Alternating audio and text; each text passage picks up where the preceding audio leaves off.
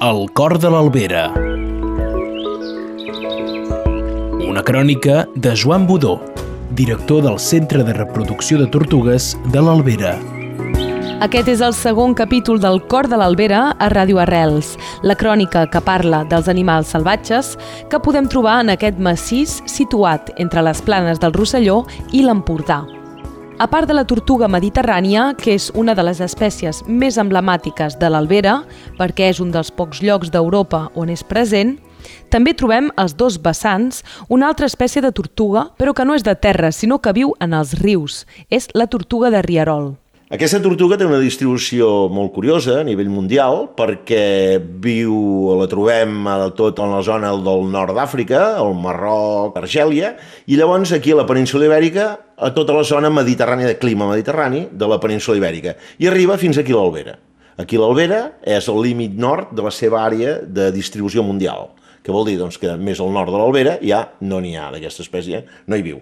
Aquí a l'Albera doncs, tindríem que tots els rius i les rieres d'una vessant i de l'altra, bàsicament per això de la vessant surt, eh, el riu Llobregat, el que baixa de la Junquera, el que baixa de Requesens, l'Anyet, l'Orlina, la riera que va sortir a, a la riera de Garriguella, a la riera de Llançà, totes aquestes rieretes, n'hi ha d'aquestes tortugues, en canvi el vessant nord és molt més escassa.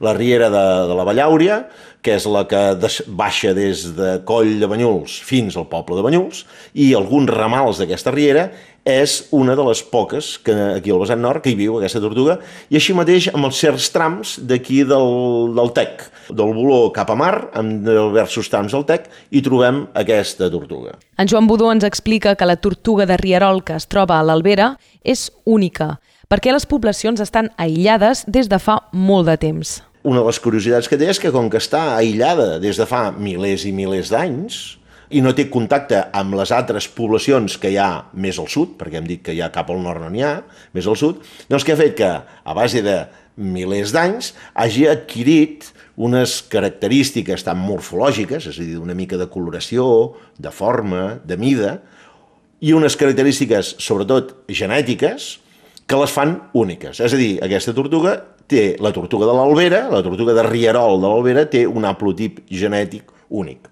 Una espècie que, contràriament a la tortuga de terra, és carnívora.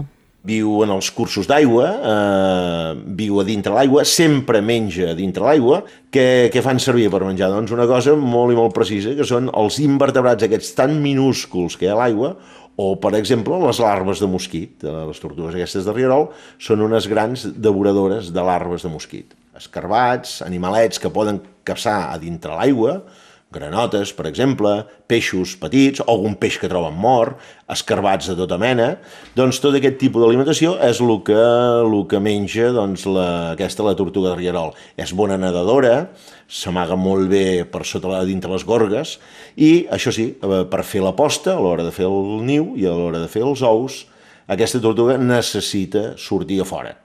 I llavors no dubta d'anar a fer postes a 100 o 200 o 300 metres de l'aigua. Eh? Sortirà de l'aigua, buscarà un lloc una mica de, que hi toqui el sol, de cares al sol, farà un forat amb les poses al darrere i hi posarà entre 4, 5, o entre 4 i 10 ous, podríem dir. Aquests ous, el mes de maig o mes de juny, que és l'època de la posta, estaran uns 90 dies incubant-se i el mes de setembre naixeran les tortuguetes petites. Aquestes, si estan molt lluny de l'aigua, doncs s'hauran d'esforçar i arribar eh, pel mig de les verdisses, pel mig de les mates, doncs hauran d'arribar a introduir-se a l'aigua. A partir d'aquí cauran a l'aigua i la seva vida serà molt gairebé lligada sempre als cursos d'aigua. La tortuga de Rierol és una espècie vulnerable i molt escassa. A nivell de conservació, aquí a Catalunya Sud és una espècie que ara, afortunadament, els darrers anys ha anat a un augment, la qualitat de les aigües ha millorat molt, per tot arreu ara hi ha depuradores d'aigües residuals urbanes, de, de polígons industrials, etc etc. i es troba en categoria de vulnerable a l'estat francès, de totes maneres, com que l'única població que en queda d'aquesta tortuga és aquí, enganxada a la vessant nord de l'Albera, i amb alguns exemplars aïllats, que també n'hi ha aquí al mig de la plana del Rosselló, exemplars aïllats o molt, unes poblacions molt petitetes, eh, doncs eh, fa que sigui, a nivell de l'estat francès, una espècie molt i molt i molt escassa. De fet, hi ha un pla d'acció eh, ja en funcionament des de fa uns quants anys, l'estat francès, per, eh, per aplicar mesures de conservació per aquesta, per aquesta tortuga. Properament, doncs, amb aquests plans de conservació, s'engegarà una mena de protocol en, aquí a l'Albera per poder doncs, eh, alliberar eh, tortugues d'aquestes nascudes en captivitat, tant amb una vessant com amb una altra.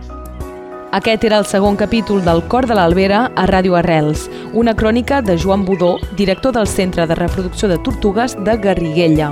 Si voleu reescoltar aquest capítol, ho podeu fer a través de la web www.radioarrels.cat o a l'Spotify de la ràdio.